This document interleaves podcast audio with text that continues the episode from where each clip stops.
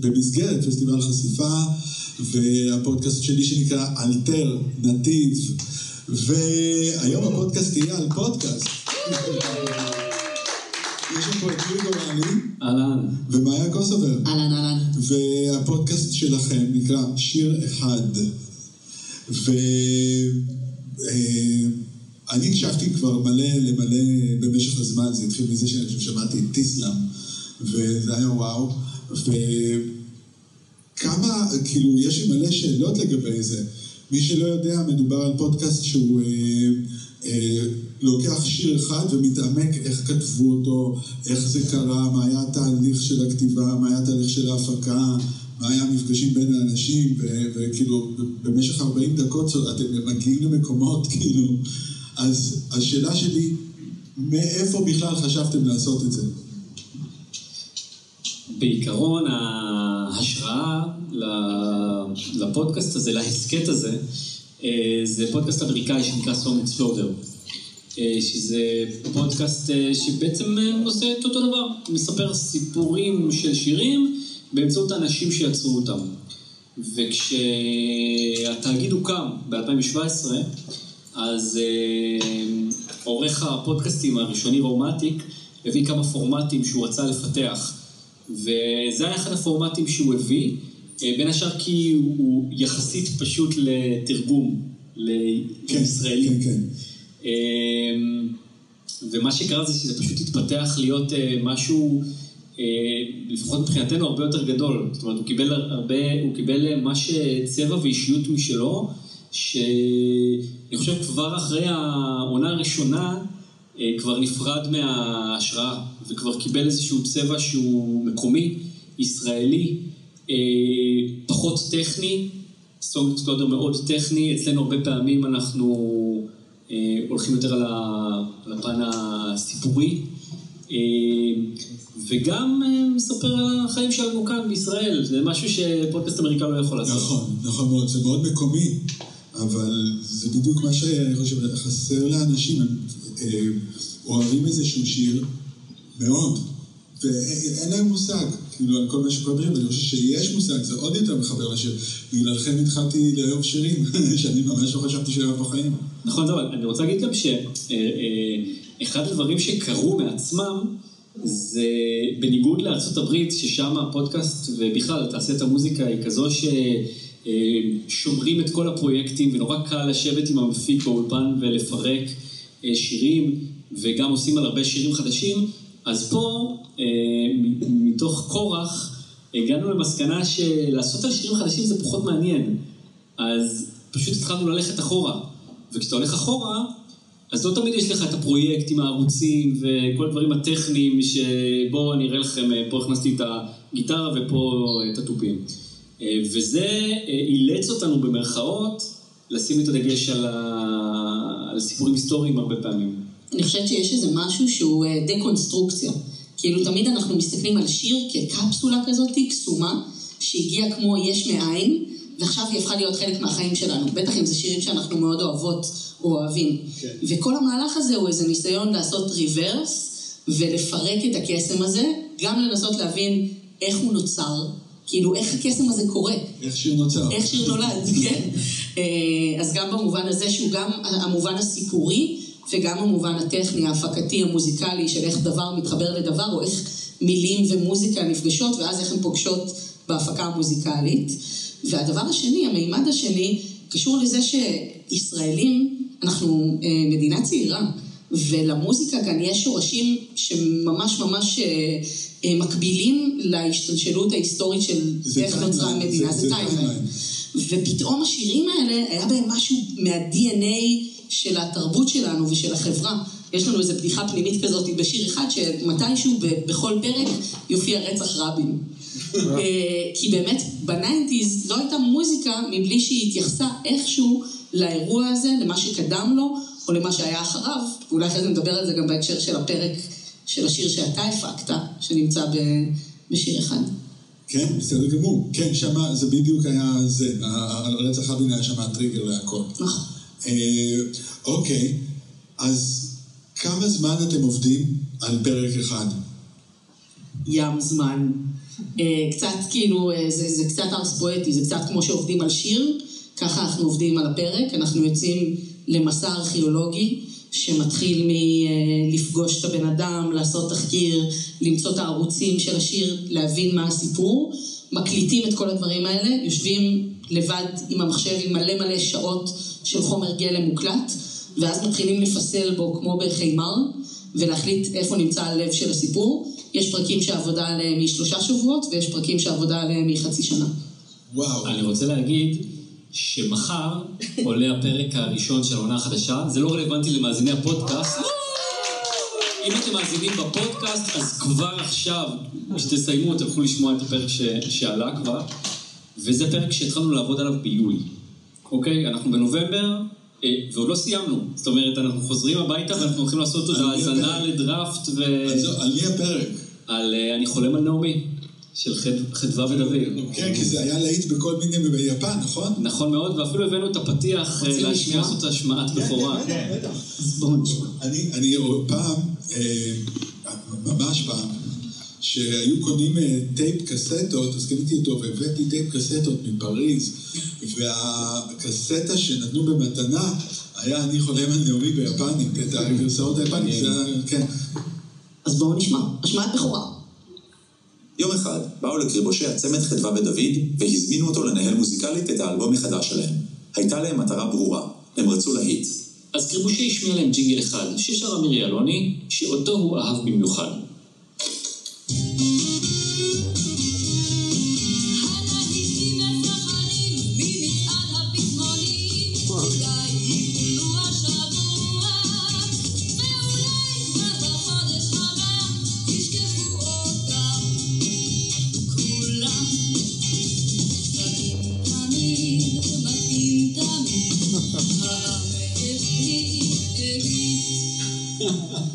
אז כן, אני חולם על נעמי, וזו עובדה יחסית ידועה, זה התחיל כפרסומת לקפה עילית ב-1970. עכשיו, במהלך העבודה אה, קורים כל מיני ניסים. אה, כשאתה מתחיל לחפור ולראיין ולדבר עם אנשים ולהיפגש עם אנשים, קורים דברים שלא תמיד אתה מצפה להם. ידענו שהייתה פרסומת, לא ידענו שאנחנו נשיג אותה. וכשהגענו לבית של דוד קריבושי, אחד השמות הכי קשים שיצא לי להגות, אתמול פשוט נשרדתי על זה, אה, קריבושי, אה, שאלנו אותו אם יש לו את הפרסומת, שהוא כמובן דיבר עליה וסיפר לנו. והוא מצא במחשב שלו אה, את כל הסדרה, סדרה של עשרה פרסומות, אה, עשר פרסומות שיצאו ב-1970 שהוא הפיק, ואנחנו פשוט משפיעים, זאת אומרת, פה, פה זה כבר ישר הגיע לפאנץ', אבל כשתשמעו את הפרק מחר, אז ממש שומעים נגיעות מאיך נשמע קמפיין פרסומי. אה, אה, לקפה ב-1970.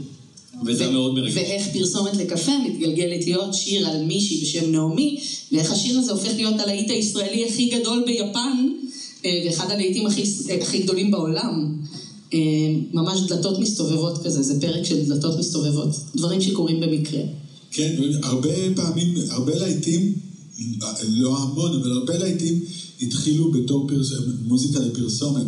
כי במוזיקה לפרסומת יש לפעמים 30 שניות, אתה צריך לתפוס וזה חייב להיות להיט ב-30 שניות, אנשים צריכים לזכור את זה. ואני חושב, אפילו, אה, איך קוראים ללהקה? אה, אלה שנשמעים כמו יוטו, נו. שהגיעו אחרי יוטו. קולפליי, בדיוק. תודה רבה, תודה רבה לך, קולפליי. אז הוא היה עושה מוזיקה לפרסומות, לג'ינגלים. והוא עשה כל כך הרבה, ולאט לאט שהוא התחיל לעשות גם את, תוך כדי זה את המוזיקה שלו, אז בגלל זה זה כל כך קאצ'י, כי הוא יודע ישר איך להגיע. נכון. ומה מה ש... אה, אני עדיין מת- מתרגש מה- מהפרק ומהעבודה עליו. אה, מה שיפה זה שאתה לוקח שיר שהוא נכס צאן ברזל, שהוא כל כך מושרש אצלנו בסוף שבוע רגוע, והוא נשמע גם שיר שיר עתיקה, 1970 נשמע אנטיקה. ופתאום אתה אומר, רגע, בעצם המקורות שלו זה משרד פרסום. כלומר, זה, זה הרבה יותר יומיומי והרבה יותר בנאלי ממה שנדמה לנו. ולמצוא את הבנאליות הזו מאחורי אה, שירים שכבר התרגלנו לחשוב עליהם כקלאס, כ, כקלאסיקות, זה, זה בעיניי אה, מרגש מאוד. איך אתם בוחרים על איזה שיר לעבוד? כאילו, יש לכם איזה סל עם מלא כאילו שמות, ואתם כל פעם מוציאים משהו? כמו המערכון הזה של הפלייליסט בגל"צ, שכזה שמים מלא שירים ואז... לא. אה, יש, אה, יש בגדול כמה דרכים. דרך אחת זה שיש שירים שהם פשוט עומדים בפני עצמם והם כל כך מעניינים, שצריך להבין איך הם באו לעולם. זה קרה לנו עם אה, ליל חניה, או עם ירושלים של זהב. או עם אה, הדג נחש, אה, עם הפרק שעשינו על שירת הסטיקר, שהבנו שהם תופסים משהו, איזושהי חוויה מאוד גדולה וקולקטיבית, ואנחנו רוצים לפרק ולהבין מה קרה שם. יש פרקים שפשוט מאוד רצינו לעשות עם אומן מסוים, ואז אמרנו בוא נפנה לאומן הזה ונעשה איתו איזה שיחת תחקיר, נבוא אנחנו עם סל של שירים ונשאל אותו איפה הוא מרגיש שהיה לו את התהליך הכי מעניין. אז הייתה לי נגיד שיחה כזאת עם אהוד בנאי, והגעתי עם חמישה שירים, והחלטנו על שניים בסוף, גם על יוצא לאור וגם על מהרינה, והיה לי מאוד קשה לוותר על אחד מהם, אז הקלטנו את שני השירים, ועד הרגע האחרון גם ניסיתי לעשות איזה פרק מגה מיקס של שני שירים, ובסוף ויתרנו והלכנו רק על מהרינה.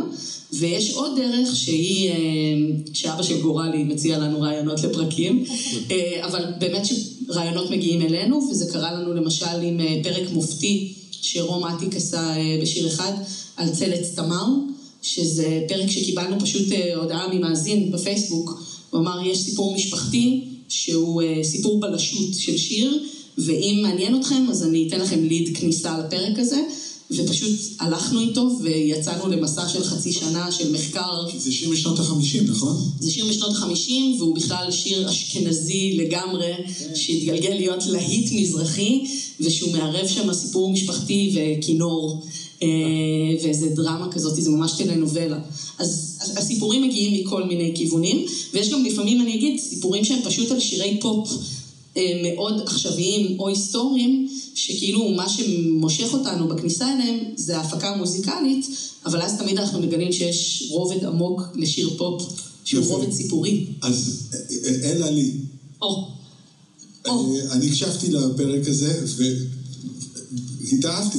כאילו פתאום התחלתי להבין קיי-פופ, קודם כל, כי זה מסביר מאוד על קיי-פופ וממה זה בנוי וזה, ואף פעם לא חשבתי על זה ככה. ו... ובכלל, הסיפור שלה זה די מדהים. אה, איך הגעתם בכלל, למה בחרתם את זה? האמת שזו דוגמה טובה לפרק שמשלב בין אה, שני עולמות שדיברנו עליהם, עולם ההפקה המוזיקלית ועולם הסיפורי. כי זה התחיל בתור פרק הפקה מוזיקלית. ממש, אה, אני, אני אגיד את זה בצורה מאוד בוטה, חיפשנו שיר פופ עכשווי, שיהיה לנו מעניין לדבר עם היוצרים שלו, ידענו שג'וני גולדשטיין הפיק, אה, ידענו שהוא מרואיין טוב, היה לו אג'נדה, וזה התחיל בכלל ממנו. כמובן, ברמה ההפקתית היינו צריכים לסגור גם את אל עלי, אבל כל הזמן היה לנו את המחשבה שטוב, זה, זה פרק הפקה מוזיקלית, אז אנחנו נשמע את אלה לי, אבל, אבל הסיפור יהיה של ג'וני. זה ככה, ככה התחילה העבודה על הפרק. אה, כשהגענו לראיין את אה, אלה לי, אז מאיה קוסובר פה, שהיא המומחית ב storytelling, והיא מביאה מאוד את האג'נדה הזאת לפרויקט. אה, אז היא באה, כדי, כמו שהיא אוהבת להגיד לעצמה, לצוד סיפורים, אז הגענו לשם, ו... ופשוט גילינו שאלה היא, היא, היא דמות, היא פשוט דמות. היא לא תמיד דמות קלה לעיכול, היא לא הדמות המספר הקלאסית שהרבה פעמים כמראיין, כשאתה עושה תוכנית כזאת, אתה... לא תמיד זה טוב לך, בדמות כזאת, אבל היה ממש מאוד מאוד אותנטי ומאוד מאוד נוגע ללב, שאני זוכר שיצאנו מההקלטה, ו... ומאיה, את רוצה לשחזר את התגובות שלך? אני פשוט, אני התאהבתי בה. אני כאילו ממש, התחושה הראשונה שלי הייתה שאני רוצה לחבק אותה ולהיות איתה בקשר, ושאני מבינה גם למה היא עושה את המוזיקה הזאת. ושזה לא המפיק המוזיקלי, זאת היא. היא הביאה את הרעיון, היא הביאה את הגנבה על קיי-פופ. היא נתנה את ההשראה, היא הייתה המוזה בסוף בסוף, לא רק. לא, לא רק נתנה את ההשראה, המוזיקה הזאת בחיים שלה הצילה אותה מאיזה רגע של בדידות וניכור, והייתה לה איזה עוגן כאילו משמעותי בחיים, ופתאום היא עשתה לזה, תעביר את זה הלאה. עכשיו, אחייניות שלי מעריצות את אלעלי, כאילו מבחינתם זה היה כזה יופי, את עושה פודקאסטים, תעשי לנו סלפי עם אלעלי, תשלחי לנו איזה וידאו. והבנתי מה הם מצאו בה, הם מצאו בה אה, נערה אמיצה שנמצאת בסיטואציה נורא מורכבת בחיים, והמוזיקה מצילה אותה, ואז היא הולכת ועושה את המוזיקה הזאת שהצילה אותה ומגיירת אותה לעברית. כן, זה, וה- והאותנטיות שלה, אני חושב שזה זה מצ- מאוד מצליח לעבור איך שהיא מדברת, איך שהיא צוחקת, איך, מה היא לוקחת ברצינות, מה לא. זה, זה, זה, אני מכיר כאלה, הכרתי כאלה כאילו בימי חיי, ומאוד יכולתי, זה היה כיף לראות מישהי שהיא כל כך היא, ובסוף האנרגיה שלה כל כך חזקה, שבסוף כולם עושים את מה שהיא רוצה, והיא אפילו לא מבקשת את זה במיוחד. והיא אפילו באה מחוסר ביטחון. כן. אבל תוך כדי היא מגלה את הביטחון, ונותנים לה את הביטחון. ו... וזה היה ממש, זה היה באמת מהפרקים היותר מענגים לעבוד עליהם. אה, כי, כי זה לא משהו, כמו שאמרתי, זה לא משהו שיצאנו איתו לדרך, זה משהו שגילינו תוך כדי העבודה. וכשאתה מגלה משהו כזה, אז האתגר הופך להיות שונה. זה אתגר של אוקיי, עכשיו אני גיליתי, הרגשתי משהו, מאיה הרגישה, אני הרגשתי, שנינו יצאנו עם תחושה מאוד מסוימת כשיצאנו מהרעיון, איך אנחנו לוקחים את התחושה הזו והופכים אותה ל... למשהו שגם אתה כמאזין תבין ות... ותקבל ותרגיש. זה עובר מעולה. ובגלל זה זה לוקח שלושה חודשים לעבוד על פרק. לה- להבין בדיוק את, ה, את הרגע, את הניואנסים, איזה, איזה תשובה לקחת, כי יש לכם המון המון חומר ואתם בסופו של דבר... בדיוק, בדיוק. זה גם להבין איזה תשובה לקחת, וזה גם לייצר איזשהו נרטיב שהוא יהיה קוהרנטי, כי ברעיונות האלה הרבה פעמים אנשים אומרים, בא לנו לשמוע את החומר גלם, ואני כזה, לא בא לכם לשמוע את החומר גלם. אה, זה פשוט שעות שיש שם כל מיני דברים, שיחות על אה, שיחות חולין, דברים שקשורים להקלטה, אה, דברים מהעבר, ופתאום צריך לדוג מתוך זה מה באמת רלוונטי לקו שממנו נברא השיר. מה נוצ... איך, איך השיר נולד? הקו הזה צריך לשרטט אותו. ואני רוצה רק להגיד, סליחה, שבמקרה של אלה לי, ושומעים את זה אני חושב, הרבה ממה שהיא אומרת ותכנס לפרק, אלה דברים שהיא בכלל אמרה, כי בדרך אגב, שבהאזנה ראשונה אתה מדפדף, היא אומרת, כן, הייתי מהילדי סנטר, לא הלכתי לבית ספר. ואז היא עונה לך לתשובה, ואז אתה חוזר הביתה, קורא את התשובה, שומע את התשובה, ואז מבין שהדבר הבאמת מעניין זה, זה הדבר שהיא דפדפה לפני רגע. וזה זה הפך את העריכה שלה מצד אחד מאתגרת, מצד שני מעניינת דוקומנטרית. אני חושבת גם שאנשים שונים שמעורבים בעשייה הזאת של הפקת שיר, פוגשים את השיר בנקודות שונות. אז נגיד, אה, יש סיפור מאוד מאוד חזק בפרק של שירת הסטיקר, שגרוסמן מדבר על מתי נולד בו השיר, אז שירת הסטיקר. והוא מספר על היום שאחרי רצח רבין. ואז הוא אומר שהוא נסע בהרי ירושלים, ופתאום הוא ראה בצד אוטו של אה, מתנחל, שמגרד סטיקרים מהאוטו שלו, מקלף אותם ביום שאחרי רצח רבין, והסטיקרים שהוא מקלף זה רבין בוגד, רבין רוצח, והילד שלו הקטן עומד בשמשה ומסתכל על אבא שלו מגרד את זה. אז הוא אומר, ואז פתאום עלה לי הרעיון הזה להתחיל לאסוף סטיקרים. אז הרגע הזה זה נגיד רגע של הולדת, וואו. שהוא הוא רגע קסום, ואולי השיר נולד שמה, אבל באולפן השיר הגיע, כאילו אתה נגיד פגשת אותו בסיטואציה אחרת לגמרי, או שאנן סטריט פגש אותו בסיטואציה שפתאום מתקשר אליו בן אדם ואומר לו אה, שלום, שאנן מדבר דוד גרוסמן ושאנן בטוח שעובדים עליו, ואז אה, הוא אומר רגע, אבל אם עובדים עליי יגידו זה אלי אוחנה, לא דוד גרוסמן. ואז הוא אומר, אז זה כנראה באמת דוד גרוסמן. ואז הוא אומר לו, אני רוצה לעבוד איתך, ואחד המשפטים שהכי הקסימו אותי, נגיד, מתוך בליל הדברים ששאנן סיפר, זה שהוא אמר, אה, דוד גרוסמן אומר לי, שמעתי שירים שלך, ובן אדם שחורז אה, כוסים וכוסיות עם אנדרלמוסיות, זה בן אדם שאני רוצה לעבוד איתו. הוא אומר, בוא'נה, אם גרוסמן אומר לי את המשפט הזה, אז אני גם חייב לעבוד איתו. אז אני חושבת שכאילו יש המון המון נקודות בציר הזמן הזה, שבהם מתהווה השיר, וכאילו הרעיון זה לקחת את כל הנקודות האלה, כמו באיפה אפי, ולהצליח לחבר נקודה לנקודה ולצייר פתאום את הילד הזה, אז לצייר את השיר דרך הנקודות האלה. אוקיי, ומה, מאיפה, מה הרקע שלך בכלל? מאיפה... וואו, מאיפה בא הרקע שלי? מה נקודת האפס של הסיפור הזה? אני אה, מאוד מאוד אוהבת אה, דוקו וסיפורים דוקומנטריים. אה, עשיתי תחקירים לסרטים דוקומנטריים והגעתי מהזווית הזאת, ואחר כך מעולם הרדיו, מגלי צה"ל, הייתי עורכת של קובי מידן בתוכנית ראיונות לילית שנקראה אנשים בלילה. כל לילה ב-11 בלילה, שלוש שנים. תענוג, כאילו הייתי חוזרת ב-12 היה מתחיל היום שלי, זה היה כזה לפגוש כל פעם אנשים מאוד מאוד מעניינים מתחומים שונים. אה, ובמקור במקור אני בת שומעת להורים חרשים, גדלתי על הרדיו, למדתי לדבר מהרדיו, שמעתי מוזיקה ברדיו, כל עולמי השפתי התפתח באזורים האלה. אז אני מאוד נמשכת להבין מה מניע האנשים ומה הסיפורים שלהם ומאיפה הם באו.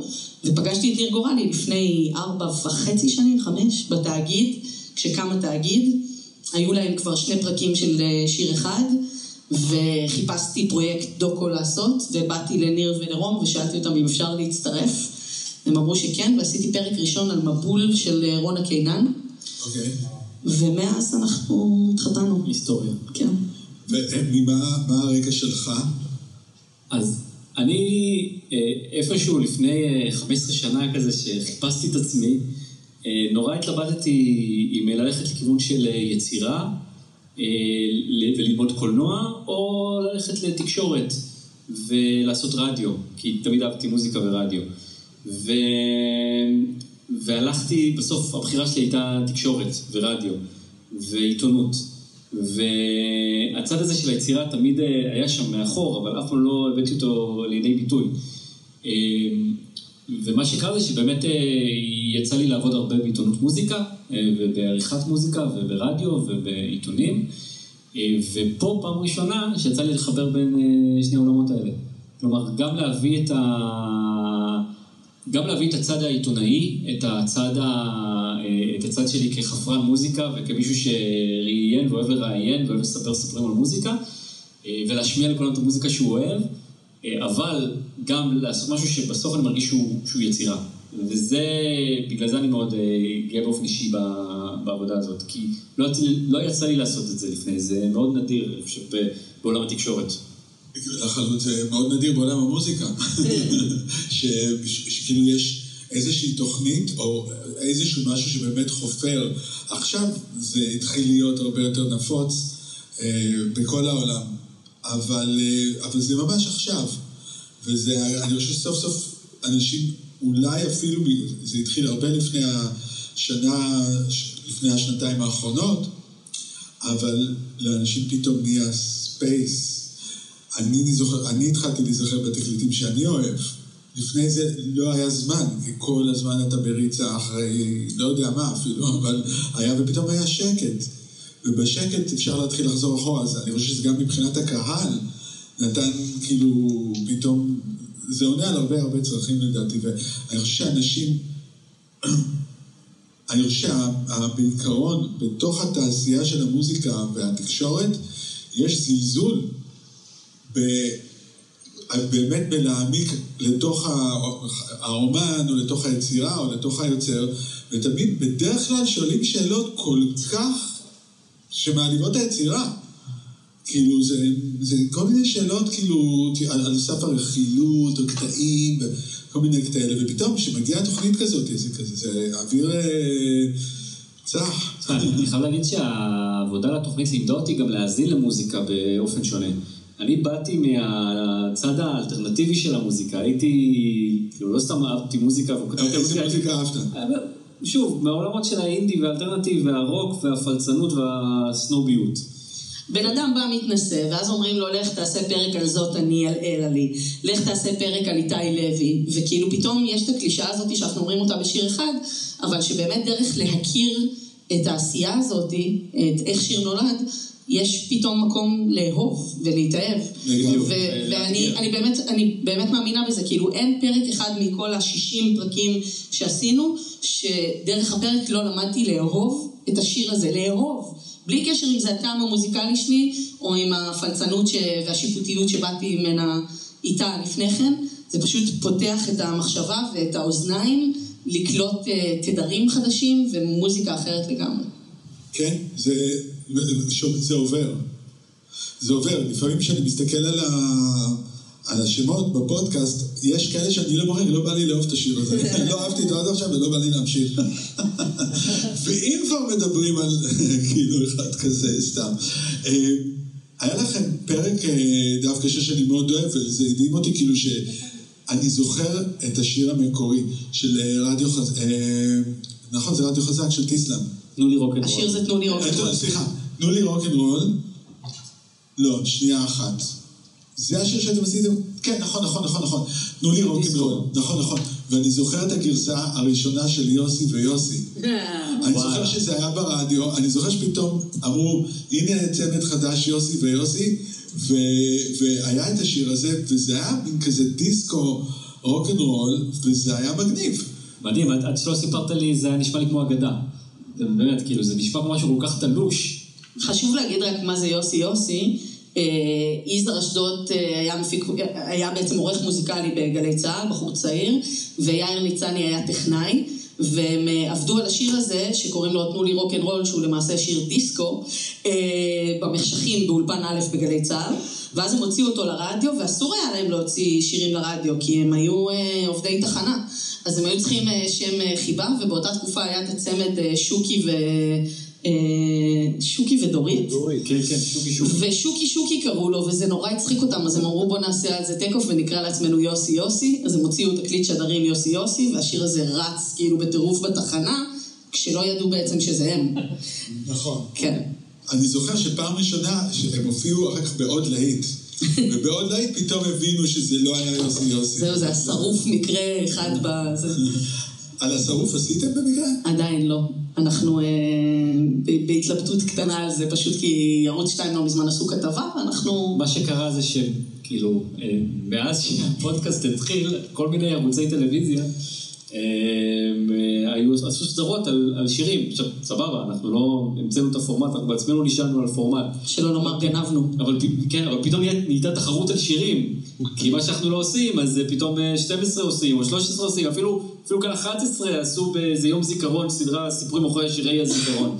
אז אה, נהייתה תחרות, ובמקרה של השרוף, אה, ממש בפיניש, אה, לקחו לנו. שרפו אותנו לפני.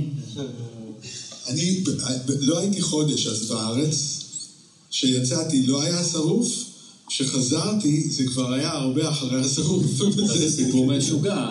אגב. סיפור משוגע שגם גם עכשיו, שחשבנו לעשות את הפרק, זה, זה שנה אחרי שחגגו לו 20 שנה או משהו כזה, והייתה כתבה גדולה, אני חושב, במאקו. זאת אומרת, העבודה נעשתה, כלומר, היינו יכולים להביא אולי איזשהו ערך מוסף, היינו יכולים להפוך את זה למשהו נגיש ו- אה, אה, בסאונד שכיף לשמוע אותו, אבל הסיפור קיים, הוא סופר, והוא יסופר. הדבר היחידי שאולי לא סופר שם, ופה אני מרימה לנו אולי לעתיד, לעונה אה, לא זאת הבאה, זה איך אשכרה נוצרו השירים. כי הרבה הושקע בבלוף, כאילו, ביצירת הדמות, ובלזעוק איזושהי זעקה, ובלבדוק אם המוזיקה משחקת עם תדמיות או לא. את מדברת על השרוף. כן, אוקיי. שזאת שאלה כאילו אמיתית, כאילו האם אנחנו קונים אה, אה, מוזיקה או מאזינים למוזיקה בגלל שאנחנו יודעים מי האדם שנמצא מאחוריה, או בגלל שהשיר הזה באמת מושך אותנו פנימה, או, או הסיפור מאחוריו מושך אותנו פנימה. זאת שאלה שכולנו כאילו, בטח בכנס על חשיפה מוזיקלית, צריכים וצריכות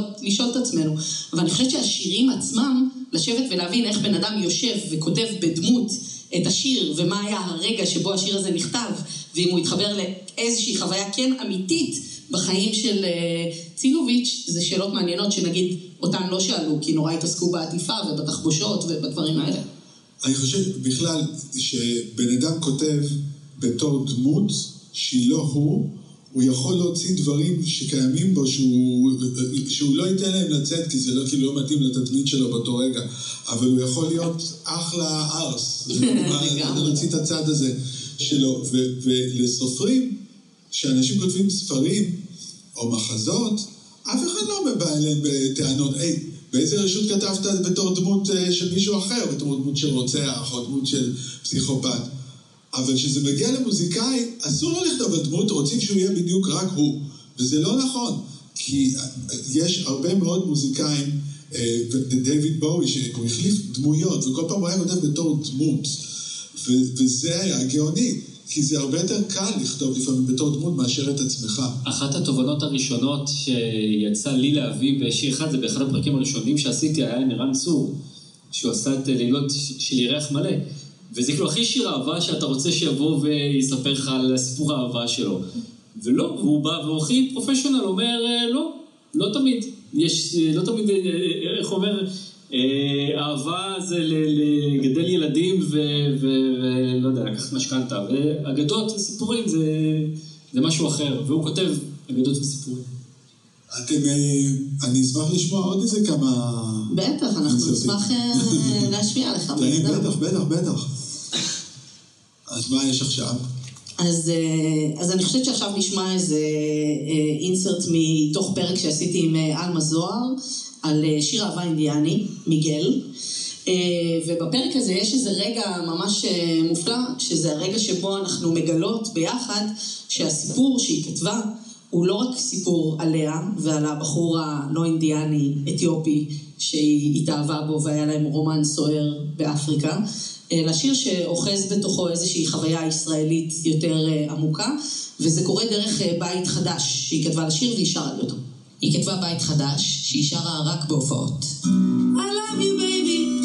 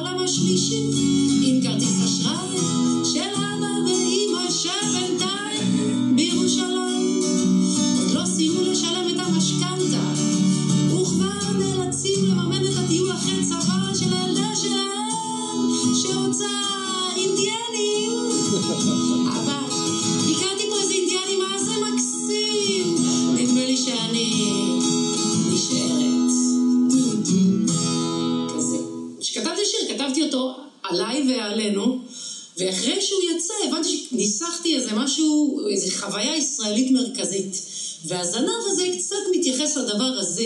לבלוף הזה של הישראלי המטייל בעולם, כן? החווה את החופש והכרטיס אשראי של ההורים, כן? הישראלים נורא אוהבים את העולם השלישי כשהם מטיילים, אבל כשהעולם השלישי נמצא פה, ולא רק המהגרים מאפריקה, גם הפלסטינים, אז, אז אנחנו אוהבים את זה פחות. אז הרגע הזה הוא רגע מכונן בעיניי, הוא מגיע ממש בסוף הפרק, ו...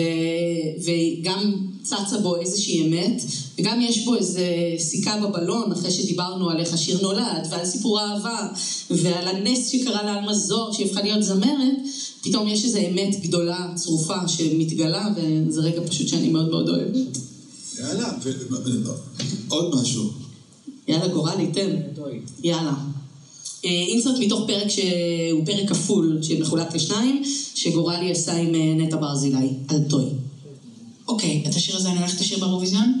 אני יורדת על הברכיים ומתחננת, תנו לי בבקשה לעשות אותו שלי. אני ואבשלום יושבים בחדר, וכאילו לקחנו זמן לבד, ועשינו את ה... אאוץ'. כאילו שזה בעצם היה מעגל, מעגל התעללות של בובה. שהיא בובה, ואז כזה אאוץ', פוגעים בה, היא מתגוננת, ואז כזה, "פם, זה לא עוזר לי. לא, חוזר חלילה. אני מרגישה שזה לכל בריון אפשרי שיש בחיים שלנו. זה הבוס שלך, זה, זה, זה בירוקרטיה, זה הממשלה, זה, זה, זה, זה כל מה שאתה רוצה. שזה יהיה, אנשים בעולם מרגישים שהם יכולים פשוט לדרוך עלינו. ו, וזה התהליך שאני עברתי עם זה. Look at me, I'm a beautiful creature. I don't care about your modern time preacher. המשפט הזה, זה התהליך שאני עברתי עם הדבר הזה. זה, שמת לב כמה אגביז היא אמרה? כן. את זה, זה היה כן. כאילו, היא לא התכוונה להגיד את זה, זאת אומרת, היא התכוונה כמובן, אבל זה לא היה הדבר המשמעותי במשפט. כן. אבל אה, זה גילם בתוכו כל כך הרבה אמת. עכשיו, אני כמובן חכם בדיעבד, כן? זה מתוך ראיון שעשיתי של שעה וחצי, שפה בדיוק, בשלב הזה, הגענו לשלב שבו היא כותבת את הפתיח של השיר, ואז, כמו שאמרתי קודם, אנחנו מגיעים לשלב העריכה, ופתאום פתאום היא אומרת את הדבר הזה, ויש, ונופל איזשהו אסימון, שהשיר טוי הוא גם עליה. זאת אומרת, אה, אה, ו, אה, והייתה לה חוויה לא פשוטה עם השיר הזה. וזה גם, מבחינת העבודה על הפרק, זה היה פתאום לעבוד על פרק שבו לג- לגיבורה שלו יש רגשות מעורבים על השיר. ולא ניסי, היא לא הסתירה את זה, ואנחנו לא ניסינו להסתיר, להסתיר את זה. אה, אפילו שכאילו באנו לחגוג ולעשות פרק אירוויזיון ולספר פה סיפור חגיגי, אה, שגם התאגיד היה שותף לחגיגה שלו. אה, בסוף היה פה סיפור מאוד מאוד מורכב, וההבנה הזו שהסיפור הרובד העמוק של הסיפור, נמצא גם ברובד השטחי של השיר, זה משהו ש... אה, שעובר בהרבה פרקים שלנו, ותמיד תמיד כיף לגלות, להבין ש... שהשיר מדבר על אה, not your toy, אבל בעצם הסיפור מאחוריו הוא, הוא גם כזה, זה לא בעצם, זה... כן, זה לא מה שחושבים. כן. יפה. אה, יש לכם פה את הזה של הדג נחש? בטח. אני עוד לא שמעתי. אז בואו נשמע רגע את האינסרט שהזכרנו מקודם, שאני מאוד מאוד אוהבת אותו, זה קורה כשגרוסמן נוסע בדרך לירושלים. זה היה יום אחרי רצח רבין. חמישה בנובמבר 1995. דוד גרוסמן נהג באוטו שלו, והדרך הראשית לירושלים הייתה חסומה. ואז אה, מפנים את התנועה דרך יער ירושלים. דרך אה, צרה מאוד, ופקק גדול שם, ופתאום אני רואה בצד הדרך עומדת מכונית אה, וולבו של מתנחלים. איך אנחנו יודעים שיש מתנחלים? בגלל כל הסטיקרים שמודבקים על השמשה האחורית, שהם מאוד מאוד גסים ואלימים. זוכר מה היה שם? אני ודאי, רבין בוגד, אה, רבין רוצח, אה, זה, זה היה הדברים שנתקעו לי בזיכרון, אבל היו המון המון אה, אלימים ובוטים. ומחוץ למכונית הוולבו שעמדה שם בצד הדרך, עומד גבר עם זקן וציציות, עם מברג ביד שלו, והוא מגרד מהחלון את הסטיקרים.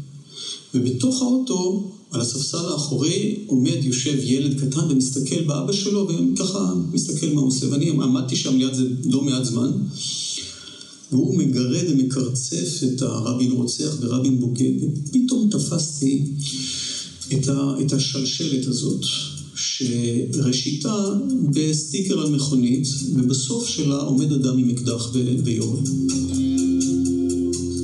חושבת שהמשפט הזה, אה, בסוף של השרשרת הזאת עומד אדם עם אקדח ויורה, קשור גם להפקה המוזיקלית של השיר, ופה יש לנו איזה חטא קדמון לגורלי ולי, כי זה היה פרק מרובה מרואיינים, ולא הגענו לראיין את המאסטר הזה שיושב כאן מצד ימין, שאחראי על ההפקה המוזיקלית המשוגעת הזאת, והפקת הקולות המטריפה הזאת.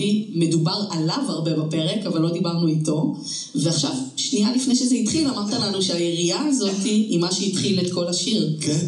אז אולי אה, תספר אתה, יוסי. אוקיי, אז אה, כשבאתי לעבוד על השיר, קודם כל, כשהדג נחש שלחו לי את השיר, אה, הם שרו אותו במכה אחת, כמו מכונת ירייה, דור שלם דור שלום תנו לצד לנצח, אב שלם רוצה שלום, כאילו זה היה מאוד מאוד מהיר, מהיר, מהיר, מהיר, ואני הבנתי שיש פה את הסטיק, שזה סטיקרים, קראתי את הזה ואמרתי, בואנה, זה יכול להיות, המילים ממש טובות, אבל איזה ביצוע גרוע, כאילו זה ממש יחמיץ את, ה, את העניין. ואז אה, התחלנו לעשות חזרות, ובדיוק לפני זה אני הייתי בג'מייקה, והייתי מאוד קשוב אז לדנסול ג'מייקאי, אה, ובדנסול הג'מייקאי היה אז תקופה שהיו שמים יריות אקדח, והרבה פעמים את, את הנצרה, וזה היה מחליף מילה. זאת אומרת, במקום I want to shoot you, או כל מיני כאלה. אז אני, וזה היה מאוד גנגסטר, זה היה כזה סופר גנגסטר. אז אה, כשראיתי, באתי, אמרתי, תשמעו, בואו נעשה את זה אחרת, כאילו, את המילים אנחנו נעשה את זה אחרת, אני לא מבין מילה ממה שאתם אומרים. אה, תראו לי את המילים. ואז ראיתי את כל המילים, וראיתי את השורה האחרונה, הכל בגללך חבר, ואז אמרתי, יש לי, אנחנו נעשה את זה בכמו אה, גנגסטר ג'מייקאי, הכל בגללך חבר. כאילו, ו, ומשם אה, בניתי את זה שורה לאחורה, שורה לאחורה, שורה לאחורה, עד שהגעתי לשורה הראשונה. השיר נכתב, העיבוד שלי לשיר נכתב מה, מהשורה הזאתי, עד שהוא הגיע, אני זוכר שבסוף אמרתי, ומה השורה הראשונה? שזה היה השורה האחרונה. והם הזכירו גם את זה שממש נתת להם תפקידים כמו של דמויות, כאילו חילקת אותם לסקטורים של החברה בישראל, כאילו. כן, כן, אני לפני ש... לפני ש... זה ככה. גם מקליט, אה, נכון. לפני שהם הגיעו, אני אה, הייתי, אני חושב, רק עם שאנן, ואני רציתי שיעשה שורות מסוימות ושורות לא. אז אני הלכתי והקלטתי בתור דמויות את כל השורות האחרות, אז אני, אני אוהב לחקות אנשים. אז... יש לך את ההקלטות האלה? אה, לא, לי אין. גורלי ישר בודק מה אנחנו... אה, אה, פעם פעם ראשונה שנעשה פרק השלמה. אז אני זוכר שהיה CNN משקר. אז היה את הקטע שאני אומר, לא, זה צריך להיות, ה-CNN הוא משקר. כאילו, זה CNN משקר, זה עם עין עין. כאילו, או אני, אה, מבחינת אה, חריזה, אה, הפתיחה של הבית השני, אה, מדינת הלכה, הלכה, המדינה, ואז יש שם איזה חברון, שרון, משהו כזה. אני שיניתי את הסדר של השורות של דוד גרוסמן, כי זה לא התאים לי בפלואו של איך שזה יבוא, והם אמרו לי, אתה לא יכול לעשות כזה דבר, אתה חייב לדבר איתו, ואני מדבר איתו בטלפון, ואני לו, תשמע, הוא אומר, אני לא מוכן שתשנה את הסדר, אני ממש לא מוכן שתשנה את הסדר, יש איזה היגיון מסוים. אמרתי לו, כן, אבל שמע, זה, אני חייב שזה יתגלגל על הלשון אחרת. אז חירוז לא יכול להיות תמיד בשורה האחרונה. לפעמים הוא צריך להיות המילה הראשונה. אז אה, אבל יוסי, אם אנחנו כבר נפגשים, אולי נסגור חשבון רגע על הפרק הזה. יאללה. גרוסמן אמר לנו שיש אה, סטיקר אחד שהוא המציא. אני לא יודע. די, נו. אני לא יודע. אני לא יודע איזה, לא ידעתי את זה חשבתי בעבודה, שזה ייפתר לא עכשיו. יודע, אין לי מושג, באמת שאין לי מושג, אבל, אה, ולא ידעתי את זה גם אז, כאילו, אני, את זה אני זוכר ששמעתי את הטיזר עם זה שיש איזה סטיקר אחד, ווואלה, רגע, אבל לא מי. ניצח? איש המוזיקה או איש המילים? איש המוזיקה. כופפת את גרוסמן. תשמע, אה, אמרתי לו, תשמע, אבל אני לא, זה חבר'ה, חברות שלנו. אני לא, אני לא זוכר מה זה היה, אבל אני זוכר שזה היה שרון וחברון, וזה לא יכול היה להיות בסוף שורה, אני אמרתי לו, זה מגניב שחברון, ואז מיד שרון. יש לי ביטחון בשלום של שרון, חברון. רון, זה, זו בדיוק השורה שאני שיניתי את הסדרים של השורה.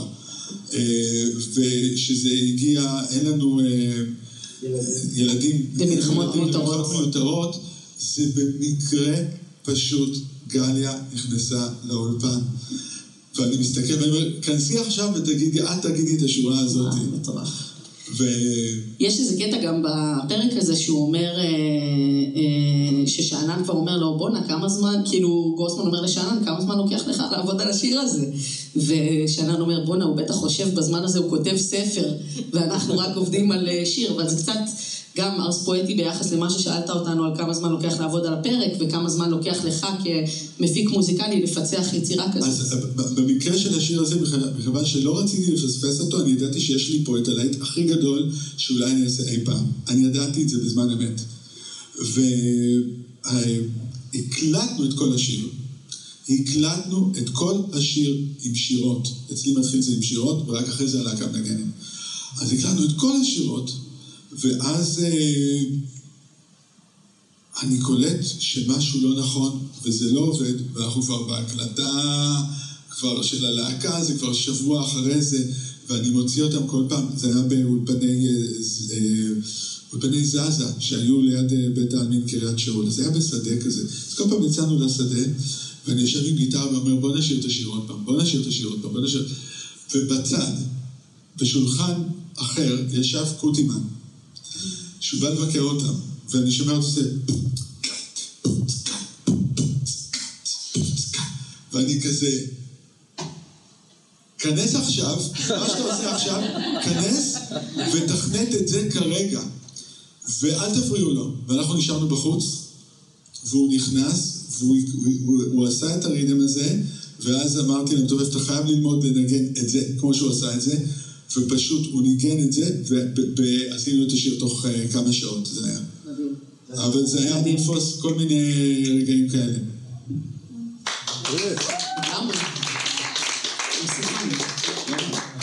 אז אה, אני חושב שאנחנו די הגענו לסוף, אמרו שעה.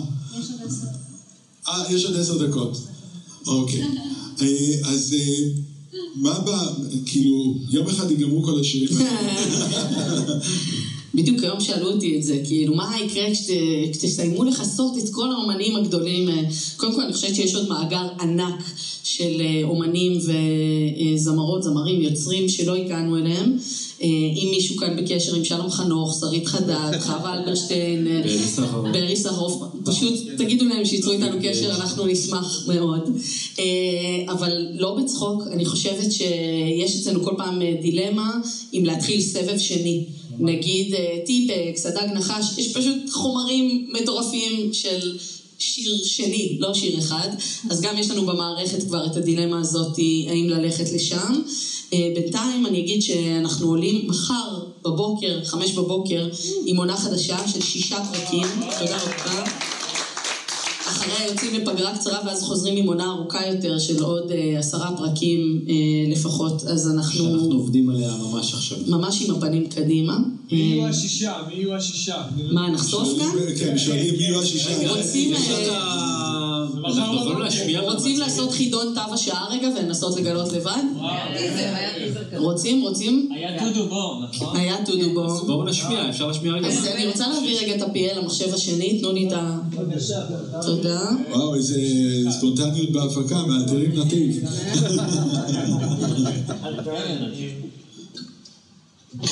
כן, מוכנים? מוכנים? כן. הנה זה בא. התכוננו לעונה סוערת. שיר אחד חוזר, בעונה חדשה. בואו נראה אם תזהו את השירים.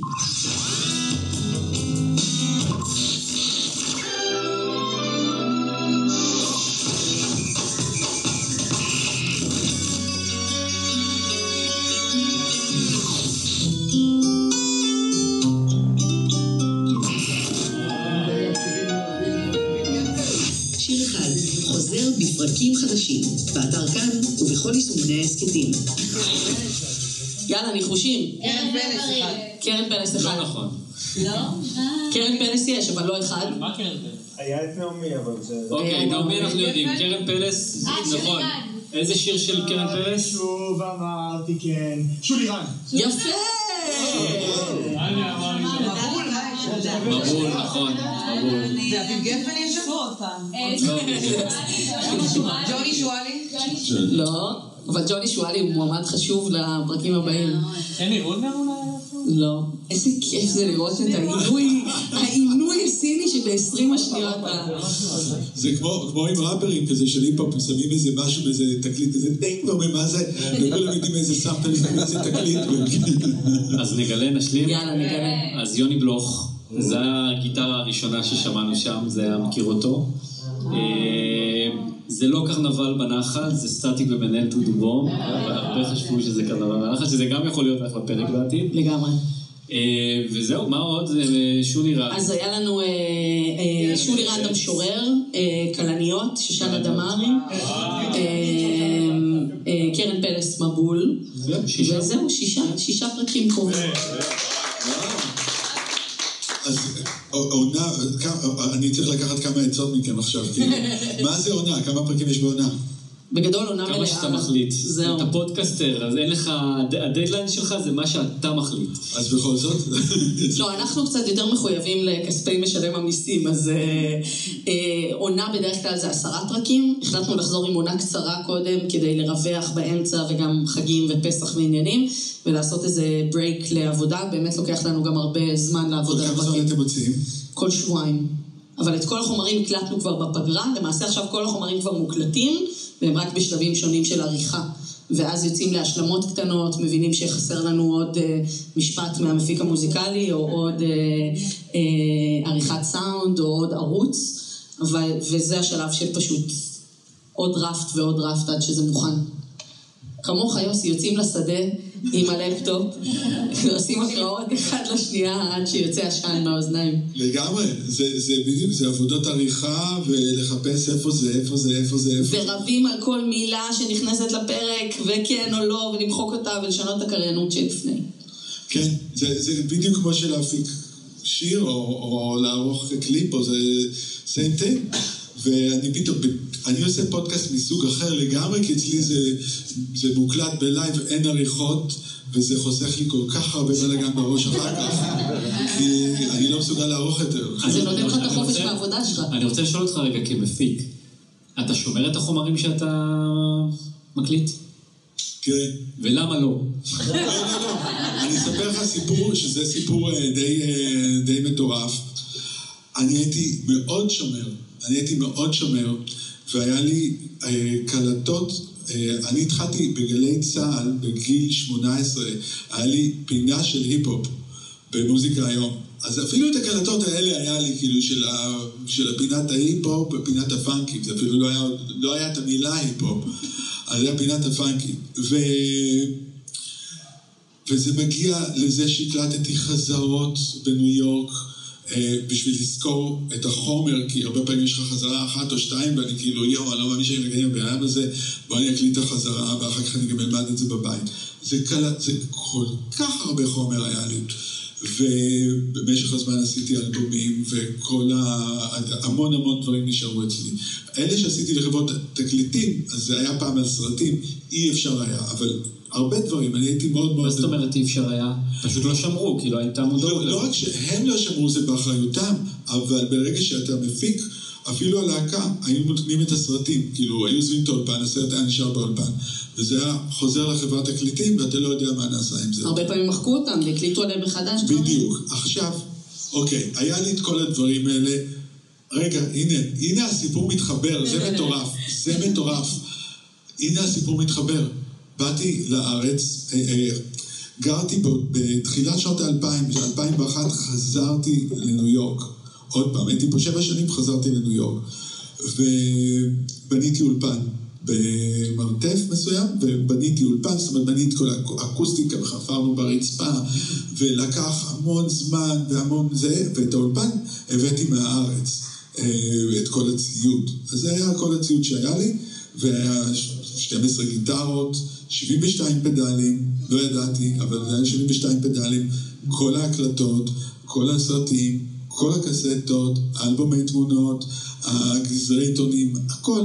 ופשוט סידרתי את הכל באולפן, זה היה כאילו עם כל הגיטרות, ואז הדג נחש ביקשו שאני אבוא להפיק את האלבום, בדיוק את זה, את חומר מקומי.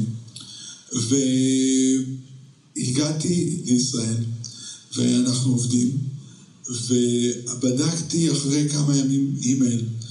ואומרים, יש שיטפון בבניין, ו... חיכיתי לאבל הזה. בדיוק, יש שיטפון בבניין, ו... וצריך שם לעשות בזה, וזה כאילו, זה פגע במרתף. אז אני כזה מתקשר, אני כאילו, אני הבנתי שכאילו, ככל הנראה, זה, זה, עכשיו, אני חוזר אחורה כמה שנים, זה היה סיוט, היה לי סיוט, חלום סיוט, שהיה חוזר על עצמו. שאני, האולפן שלי לפני זה היה ברחוב רש"י. שאני הולך, שמישהו קורא לי לפגישה, מישהו שאני מכיר, קורא לי לפגישה בבית קפה בקינג ג'ורג', ושאני הולך, וכשאני חוזר, אני פותח את הדלת ואין כלום, וגנבו לי את כל האולפן. וזה סיוט שחזר על עצמו כמה פעמים. כמה פעמים. עד שהוא התגשם. בדיוק. ופתאום אני חזרתי למחרת, ואני אומר לדג, לדג נחש, הלך לי אולפן, אני חייב לנסוע לניו יורק. אני חייב לנסוע לניו יורק. ו... ובאותו יום עשיתי איזשהו סוויץ', יניב דוידסון, שהוא היה חברת תקליטים, הוא אמר לי, אתה מבוטח? אמרתי לו, כן. הוא אומר, אה, אז יש לך אולפן חדש, תתחדש. וזה מאוד מאוד, זה משפט אחד כזה השפיע לי על כל החיים אחר כך, כי אה, החלטנו להשעות את ההקלטות, ואני חושב שזה אפילו באותו יום, הספציפי הזה שאמרתי קודם, זה הכל קרה באותו יום, ו... אני נסע, טסתי בחזרה לניו יורק, פתחתי את הדלת, ולא, כאילו, הכל היה מתחת למים, רקוב ומפורק, וכל ההקלטות הלכו, והגיטרות הלכו, והכל פשוט הלך. הדברים שעבדתי עליהם באותו זמן, הייתי בג'מייקה, הקלטתי, הכל, הכל הלך, לא נשאר כלום, כי גם המחשב, דבר שלא חושבים, המחשב היה, על, כאילו, הוא עמד על הרצפה, וכל הכונן, הכוננים, ההארד דרייבים היו על המחשב, והמים עברו את זה, עברו, הגיעו לכאן. אז פשוט הכל, אני ראיתי איך כל הגיטרות היו בנויות, וכאילו, הכל התפרק. עכשיו, זה תהליך של אבל, שהוא התחבר לי גם, ההורים שלי, כאילו סבתא שלי, שזה ההורים העיקרי אצלי, נפטרה חודשיים לפני זה, ואבא שלי 11 חודשים לפני זה, הכל קרה באותה שנה. אז האבל היה כל כך חזק ועמוק, שהדבר היחידי שיכולתי לעשות באותו רגע זה היה כאילו, אוקיי, אני אתחדש. ומאותו רגע שאני הלכתי למסעדה, ולא הזמנתי שום דבר בתפריט שאי פעם הזמנתי קודם, אוקיי? זה היה הדבר הראשון שעשיתי, והתחלתי להתנהג כחדש, כמשהו אחר. ואמרתי, אוקיי, אני חייב uh, לשחרר את ה-attachment לדברים. ולא קניתי שום דבר שהיה לי קודם, לא קניתי אף גיטרה שהייתה לי קודם, לא קניתי אף פדל, לא קניתי שום אפקט, אמרתי הכל מההתחלה, וזה לימד אותי לשחרר, וזה הביא לי אה, פשוט מלא מלא דברים חדשים. קודם כל, תודה ענקית על הסיפור הזה, אני חושבת שהוא הפנינה של, הערב הזה, ממש, ושהוא אה, ממש נכנס עמוק ללב. חושבת עליו שתי מחשבות. אחת, וזה קשור לכל יצירה, שהחלק הכי גדול ביצירה זה לא מה שיש על ההארד דיסק ולא על הערוצים, וזה מה שיצא לאוויר העולם ונכנס לאוזניים אחרות וללב של אנשים אחרים, ומה שעוד רוצה לצאת החוצה ולהיווצר בתוכך ולהמשיך אה, זה.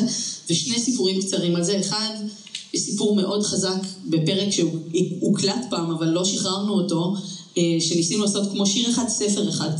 ואורלי קסטל בלום, סופרת גדולה, מספרת שמה על זה שהרומן הכי גדול שלה, דולי סיטי, נולד ברגע שקרס לה המחשב והלך רומן של 400 עמודים ועבודה של 4 שנים, וזה היה עם דיסק פלופי ולא היה גיבויים, וכל הדבר הזה הושמד.